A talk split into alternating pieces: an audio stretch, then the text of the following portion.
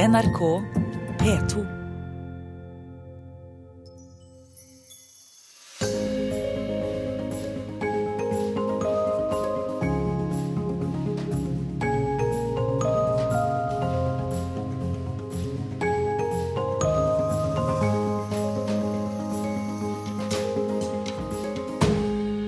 Hei, jeg heter Aslak Sira Myhre, og jeg er nasjonalbibliotekar.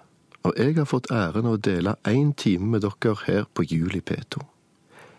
Det er på en måte litt overraskende for meg, det, at jeg skal snakke på radioen akkurat nå i jula. Jeg er ikke så voldsomt julete av meg. Ikke tror jeg på Gud og engler. Ikke tror jeg på handelsstandens og shoppingens velsignelse.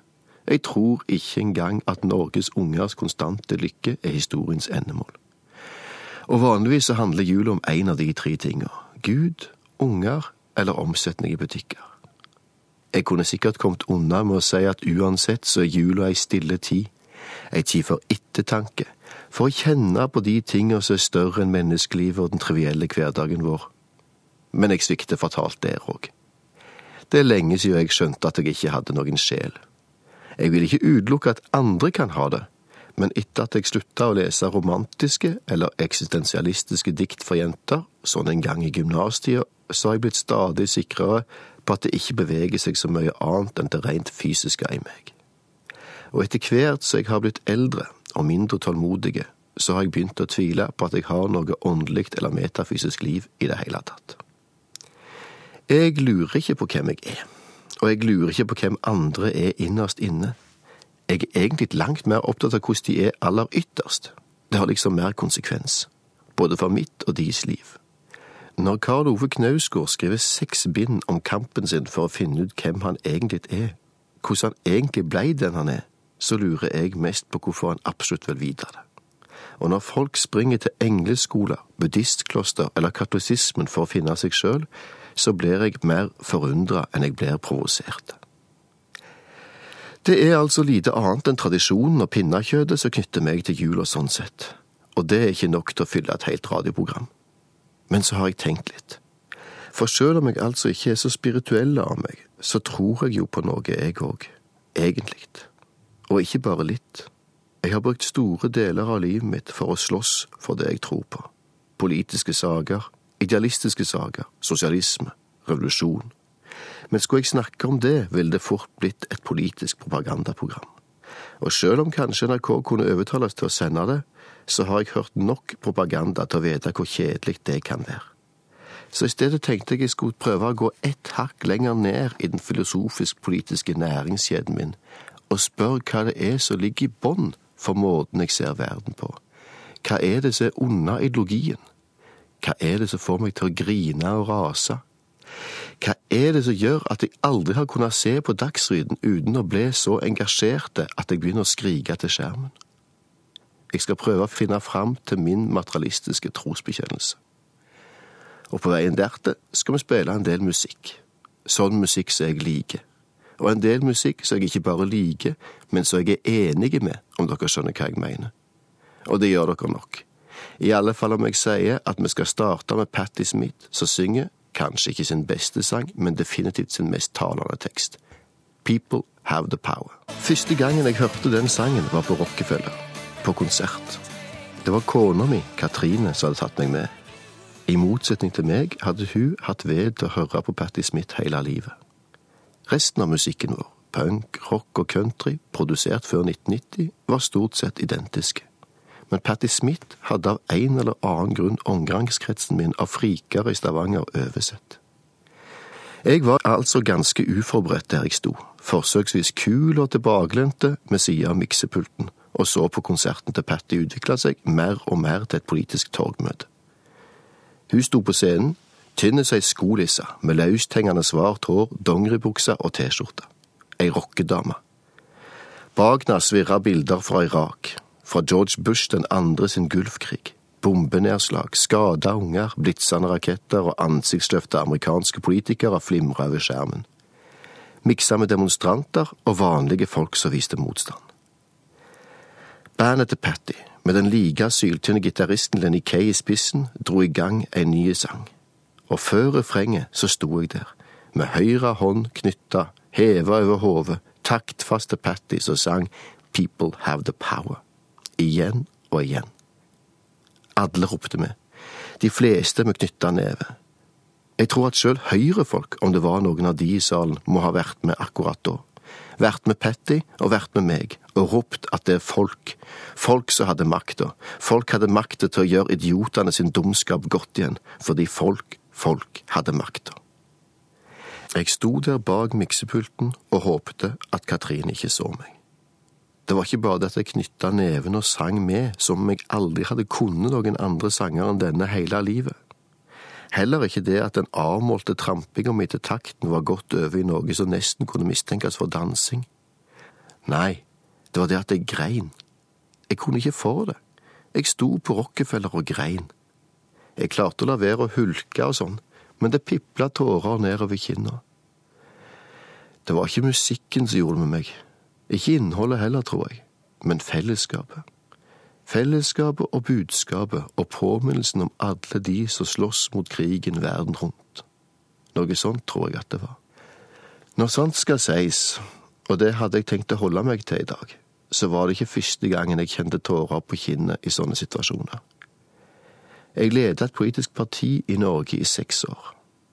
Det samme partiet som jeg er medlem av nå, bare med et annet navn, Rød valgallianse. Norges minste skikkelige parti var med den gangen. Jeg var 23 da jeg ble valgt som leder. Da grein jeg ikke. Jeg hoppet opp i fanget på han som hadde vært leder før meg, så han måtte bære meg mens Dagsrevyen filma. Så gikk jeg på Justisen og drakk altfor mye øl, og dagen etter forsov jeg meg til Godmorgen Norge på TV 2. Ikke akkurat mitt stolteste øyeblikk, det. Men i åra etterpå, når vi avslutta landsmøtene, når jeg fikk stå sammen med de andre landsmøtedelegatene og vi sang Internasjonalen, når vi på siste refrenget løfta neven og knytta den over hodet, da kjente jeg det samme. At tårene pipla fram. At jeg blei rørt av noe som kjentes ut som det var større enn meg sjøl. Det er ikke sånn at jeg er lettrørt i ett og alt. Tvert om. Søte katter, grinende unger eller nyhetsinnslag om noen som har det fælt, rører meg ikke. Det siste kan tvert om provosere meg, fordi det så ofte handler om dramaturgi og fortellinger om enkelthendelser løsrevet fra enhver samfunnsmessige sammenheng. Det er det motsatte som rører og tenner meg. Folk som henger sammen med andre folk. Folk som slåss sammen. Da jeg var i Sør-Afrika og så på Apartheidmuseet, så var det ikke Nelson Mandela sitt ikoniserte fangenskap som rørte meg. Det var fortellingen om de som var utenfor fengselet de som organiserte streikene, demonstrasjonene, de som trente med våpna, som sloss og blei straffa, de som var mange, og de som blei glemte. Det er de mange sammen som imponerer meg og rører meg. Den krafta som kommer fram i menneskene når de prøver å stå opp for seg sjøl, når de prøver, og kanskje til og med greier, å ta makta over sitt eget liv og over historien og snu den i en litt bedre retning. Patti Smith, som innleda denne sekvensen, fikk jeg mange år seinere lov til å treffe. Vi klarte å overtale henne til å komme på Litteraturhuset for å snakke om boka si Just Kids, bare unger, i forbindelse med at du spilte en konsert i Oslo. Hun var akkurat sånn som jeg husket henne fra scenen den gangen. Tynn, furete, nesten som en indianer i utseendet, og like rocka. Etter å ha snakket om boka i én time, ropte hun opp gitaristen, fortsatt Lenny Kay, fra salen, og så spilte de et par sanger der foran 200 folk i Wergelandsalen på Litteraturhuset. Det var tøft. Den neste jeg skal spille, prøvde vi òg å få til Litteraturhuset, men uten å lykkes. Det er Bruce Springsteen, en artist som jeg nekta å høre på i mange år fordi jeg forbandt han med tivolirock fra midten av 80-tallet. Etter hvert så har jeg skjønt at det ikke var hans feil at Born in the USA ble spilt som bakgrunnsmusikk til karusellen på tivoli i Stavanger og at antakeligvis er den nålevende artisten som lykkes aller best i å skildre livet til den hvite amerikanske arbeiderklassen og deres kollektive kamp. Her er sangen som fikk meg til å skjønne det. The Ghost of Tom Jode. Det var Bruce Springsteen sin sang om Tom Jode, fagforeningsaktivisten i John Steinbecks bok Vredens druer. Han som holder talen hvor han sier at wherever there's a fight so hungry people can't eat, I'll be there. Wherever there's a cop beating up a guy, I'll be there. Hos Steinbeck er Tom Jode en representant for den undertrykte arbeiderklassen. De som bygde USA, men ikke får høste grøden de sår. Springsteen tar han opp til vår tid, både på plater med samme navn som kom i 1995, og seinere, blant annet sammen med Rage Against the Machine. Dette arbeidet, alle de livsverker som er lagt ned av arbeidsfolk verden rundt for å bygge den fysiske verden vi ser rundt oss, tinga vi bruker hver eneste dag, bygga vi går inn i og maskinene vi har nytte av, det arbeidet fascinerer meg. Det er som det er en dobbelt bevegelse, en DNA-spiral, dobbelthelix tror jeg de kaller det, som slynger seg fram mot det samfunnet vi lever i i dag. På den ene sida er det arbeidet, og det arbeidet skaper. Stadig større bygninger, stadig bedre teknologi, stadig nye veier og framkomstmulig på bakken, i lufta og i vannet. Høyere, raskere, bedre. Omtrent så idealet til de olympiske legene bringer dette industriarbeidet oss framover. Men parallelt er det ei utvikling som ikke handler om tinga, ikke om selve produksjonen, men om eiendomsretten til det som blir skapt, og samfunnet det lager. Det er den sosiale kampen som arbeiderbevegelsen stilte seg i spissen for på slutten av 1800-tallet. Den baserte seg på ei enkel ligning. Det er våre hender som skaper verdiene for kapitalistene. De er ingenting uten oss. De trenger oss mer enn vi trenger de. Men ikke én og én. Bare når vi er sammen, alle rundt én oppgave, akkurat som vi er i arbeidet, så én klasse er vi sterke nok til å vinne vår rett. Disse to bevegelsene, det menneskelige arbeids forming av samfunnet og den sosiale bevegelsens forming av det samme samfunnet, er den politiske tradisjonen jeg bekjenner meg til. For noen år siden så var jeg og familien på bilferie i Møre og Romsdal. Det vil si, Katrin og jeg var på ferie. Jeg har en mistanke om at de to smårollingene som satt fastspent polstra i hvert sitt sete bak, kanskje opplevde seg mer i bil enn på ferie. Men uansett så var vi i Møre og Romsdal. Det er et fantastisk fylke. Fjordene stikker langt inn i fjellene som stikker høyt opp. Og nesten innerst så finner du Eresfjorden og Eikesdalen. Det var der Bjørnson henta inspirasjonen til bondefortellingene sine. Og det er der du finner en gård som heter Sira, som min oldefar flytta fra for å bli lærerbonde i Alvdal for mer enn et århundre siden.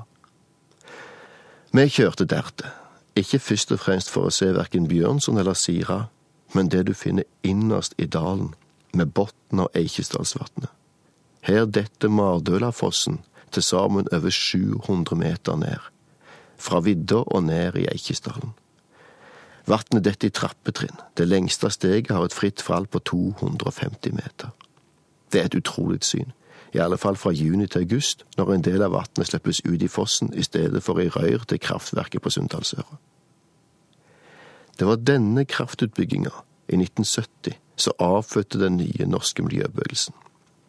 Med filosofene Arne Næss og Sigmund Kvaløy Setreng i spissen lenka 300 mennesker seg fast i protest mot utbygginga av kraftanlegget. De ville verne naturen mot menneskelige inngrep, men òg verne menneskeheten fra det samfunnet industrien skapte. Tror jeg, i alle fall. Det første er lett å forstå. Sjøl i den tåka som vi kjørte i den gangen, var fossefallet et imponerende syn. Naturen er ofte det, særlig når han er vill og galen, sånn som han er i Norge. Det er sånt som kan gjøre sjøl ikke-religiøse folk troende. Og jeg liker det, jeg òg. Jeg liker naturen, jeg liker å være i naturen, og jeg liker at vi har så mye av den. Men det jeg ikke kan forstå, er den andre delen av motivasjonen for aksjonene.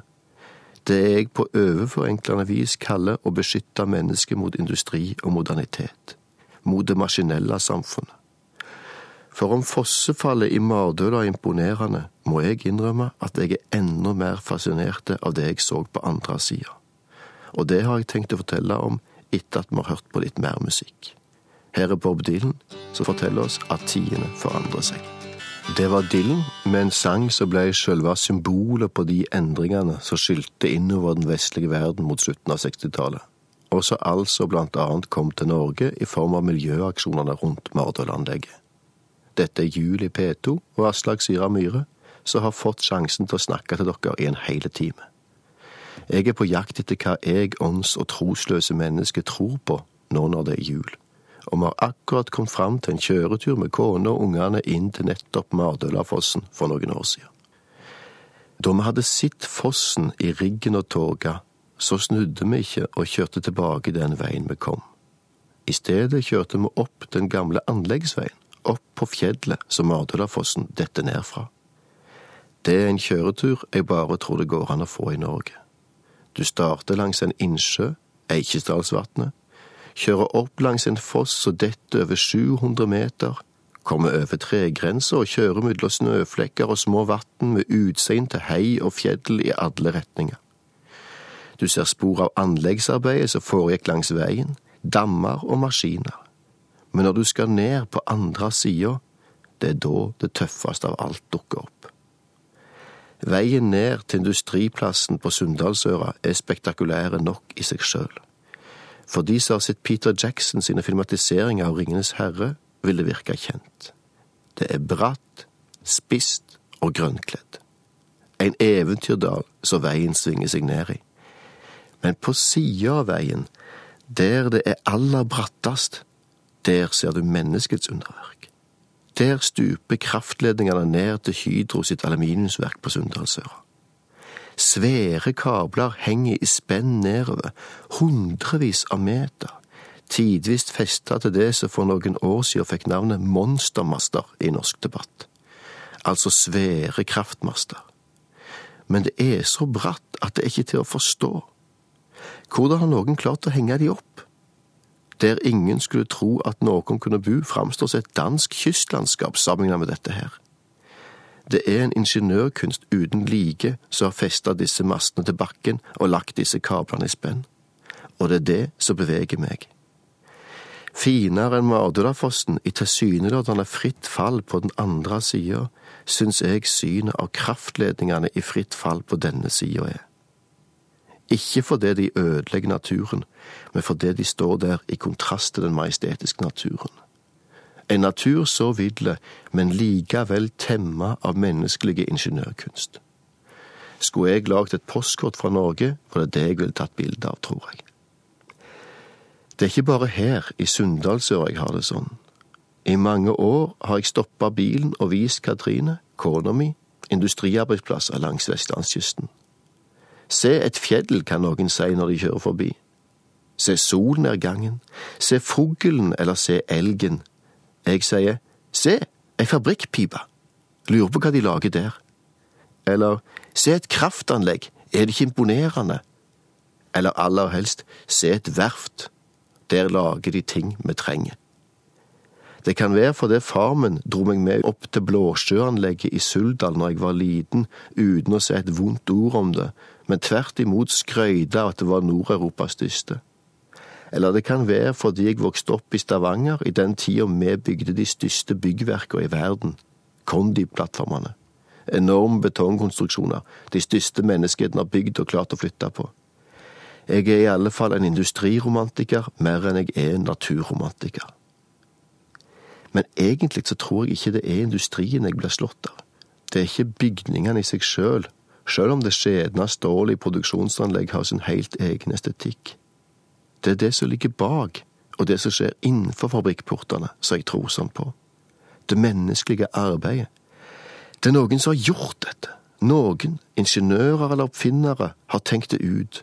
Og så har tusenvis av arbeidshender av alle slag forma det til manifest masse til demninger, kraftledninger, båter, plattformer og fabrikker. Og inni fabrikkene og ute på plattformene går det nye folk hver dag og lager ting.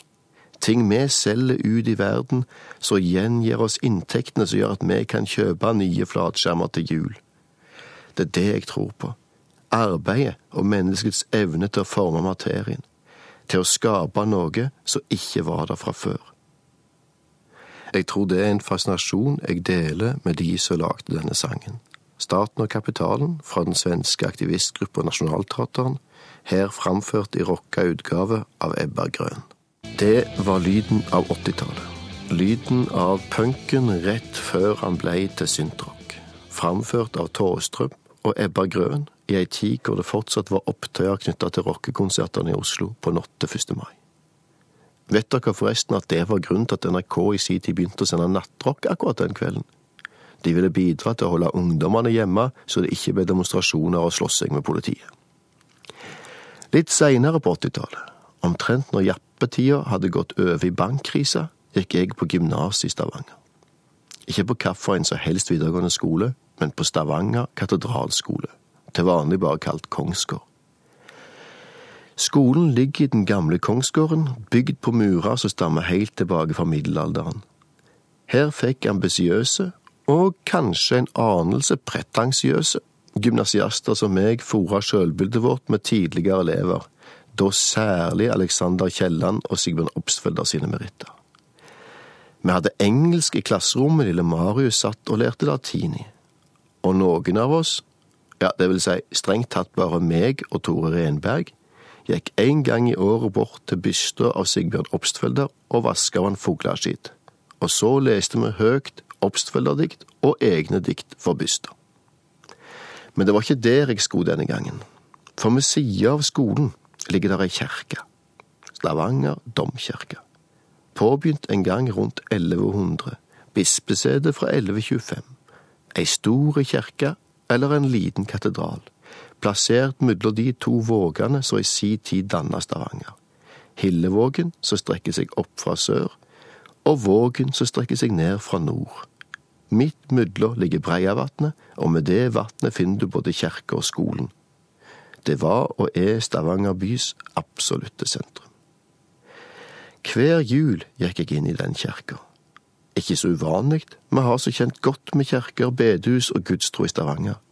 Jeg kan fortsatt dobbelt så mange salmer og bønner som alle jeg kjenner på Østlandet. Men jeg tror altså ikke på Gud. Jeg gikk inn i kirka for å kjenne på steinene. Steinene som ble hogd til og lagt oppå hverandre for 900 år siden. Virka til av reisende murere, frimurere, familier og fagfolk som dro fra plass til plass og land til land der katedraler skulle bygges. Stein så glatte og så reine som han var skåret med kniv, men så ble tilverket med håndamakt og enkle redskaper av tre og jern. Det var det som fylte meg med andakt i domkirka. På samme måten som det gjorde det den gangen jeg fikk krype inn i pyramiden i Giza, eller når jeg gikk på Akropolis i fjor. Følelsen av historie, av hva menneskene har fått til. Vi lever i ei tid av historisk rasisme i et øyeblikkstyranni, hvor vi er kollektivt forelska i oss sjøl, i det som skjer nå, i den siste teknologien eller den siste meldinga på Twitter eller Facebook. Vi tenker at vi er så unike at alle som har levd før oss, må ha vært uopplyste, dumme og primitive. I alle fall sammenlignet med oss. Domkirka i Stavanger, pyramidene, tempel i India eller romerske akvedukter forteller en helt annen historie om folk som har fått til å lage det utrolige, de som oss. Eller kanskje de enda mer enn oss, siden de gjorde det med håndamakt. Den neste sangen jeg skal spille, har ikke så mye med katedralbygging å gjøre, annet enn at den er utrolig fin og sakral. Det er Johnny Cash som synger Hørt. Det var Johnny Cash med en sang fra 1954 som han gjorde til sin på de smått legendariske American Recording-platene. Folk før oss var ikke mye dummere enn oss. Jo mer du lærer om fortida, jo mer blir i alle fall jeg slått av hvor like folk er, ikke bare i hele verden, men til alle tider. Den første boka, Gilgamesh, handler om møtet mellom natur og kultur og drømmen om evig ungdom. Platon var misfornøyd med ungdommen, og unge folk har vel kysse hverandre til alle tider. Men så er det noen ting som har forandra seg og noen ting som har drevet historien framover, gitt oss faktiske framskritt. Og den største forandringen i vår tid tror jeg er knytta til kjønn. Mor mi ble født i 1949. Hun vokste opp i et samfunn hvor mødre var hjemme og fedre jobbet, hvor samfunnslivet og privatlivet var kjønnsdelt, ja tidvis til og med kjønnssegregert. Damene snakket på kikken mens mennene røykte sigar i stua. Ikke i Afghanistan, men i Oslo, Stavanger eller på Gjøvik.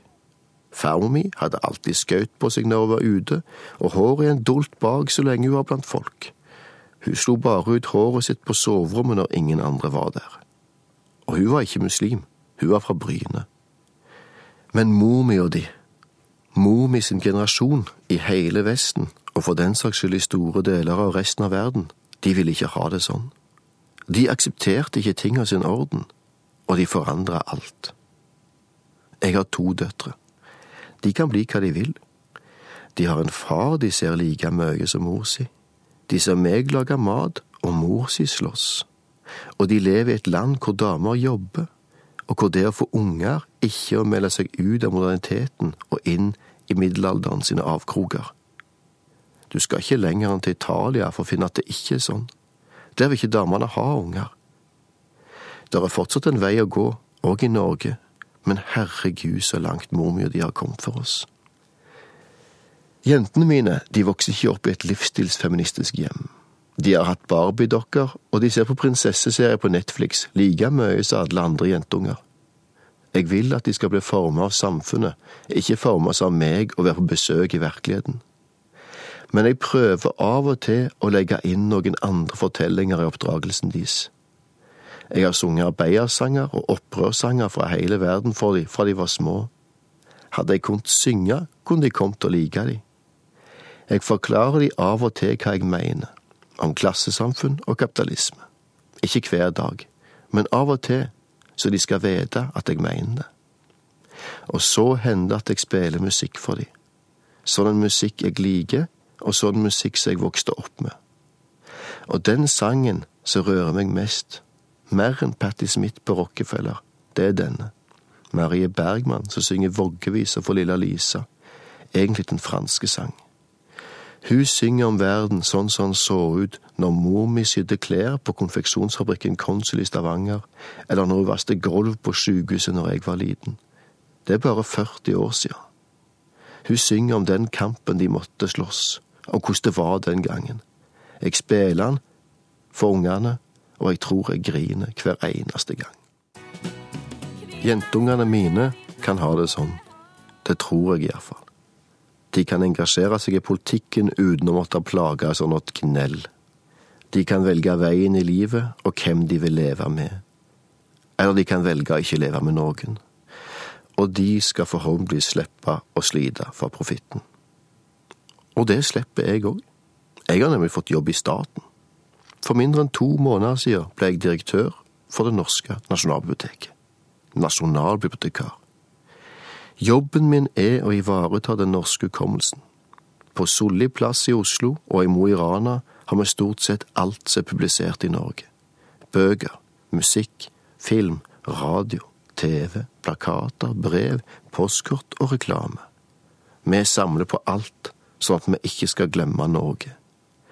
Det er en fantastisk jobb som jeg aldri hadde tenkt at jeg skulle få, og jeg er stolt av den. Stolt av det som Nasjonalbiblioteket gjør. Visste du for eksempel at vi snart har digitalisert alle bøkene som er skrevet og gitt ut i Norge noensinne? Det er en halv million bøker, og vi har snart ut under 400 000. Og så har vi gjort nesten halvparten av de tilgjengelige for deg, hjemme i stua di, via bokhylla.no. Ja, jeg er stolt over det vi gjør på Nasjonalbiblioteket, og jeg er stolt over å lede en sånn institusjon. Etter at jeg slutta som leder for partiet Rød valgallianse for over ti år siden, så har jeg jobbet med å spre litteratur, lesing og kunnskap. Først i Foreningen Les, så på Litteraturhuset, og nå altså her på Nasjonalbiblioteket. Dette er for meg noe av det mest betydningsfulle jeg kan få lov til å være med på. Det er et sivilisatorisk prosjekt. Det å ikke bare ta vare på kunnskapen, men å spre den. Og jobbe for at alle skal lese, høre og oppsøke den kunnskapen. Det er det jeg tror på. Menneskets evne og vilje og rett til å forme sin framtid. Og skal vi kunne gjøre det, så må vi huske. Magasinene i fjellhallen i Mo i Rana og i kjellerne på Solli plass er det nærmeste jeg kommer ei kirke eller katedral for min tro fordi det både rommer summen av all den kultur menneskene her i landet har produsert, men òg fordi det rommer kunnskapen, dannelsen og utgangspunktet som kan hjelpe oss til å huske hvordan vi har blitt de vi er, og inspirere oss til å finne ut hvor vi skal, sammen, i fellesskap, i kamp og i arbeid. Jeg vil slutte denne timen med å spille min favorittjulesang. Hør flere podkaster på nrk.no podkast.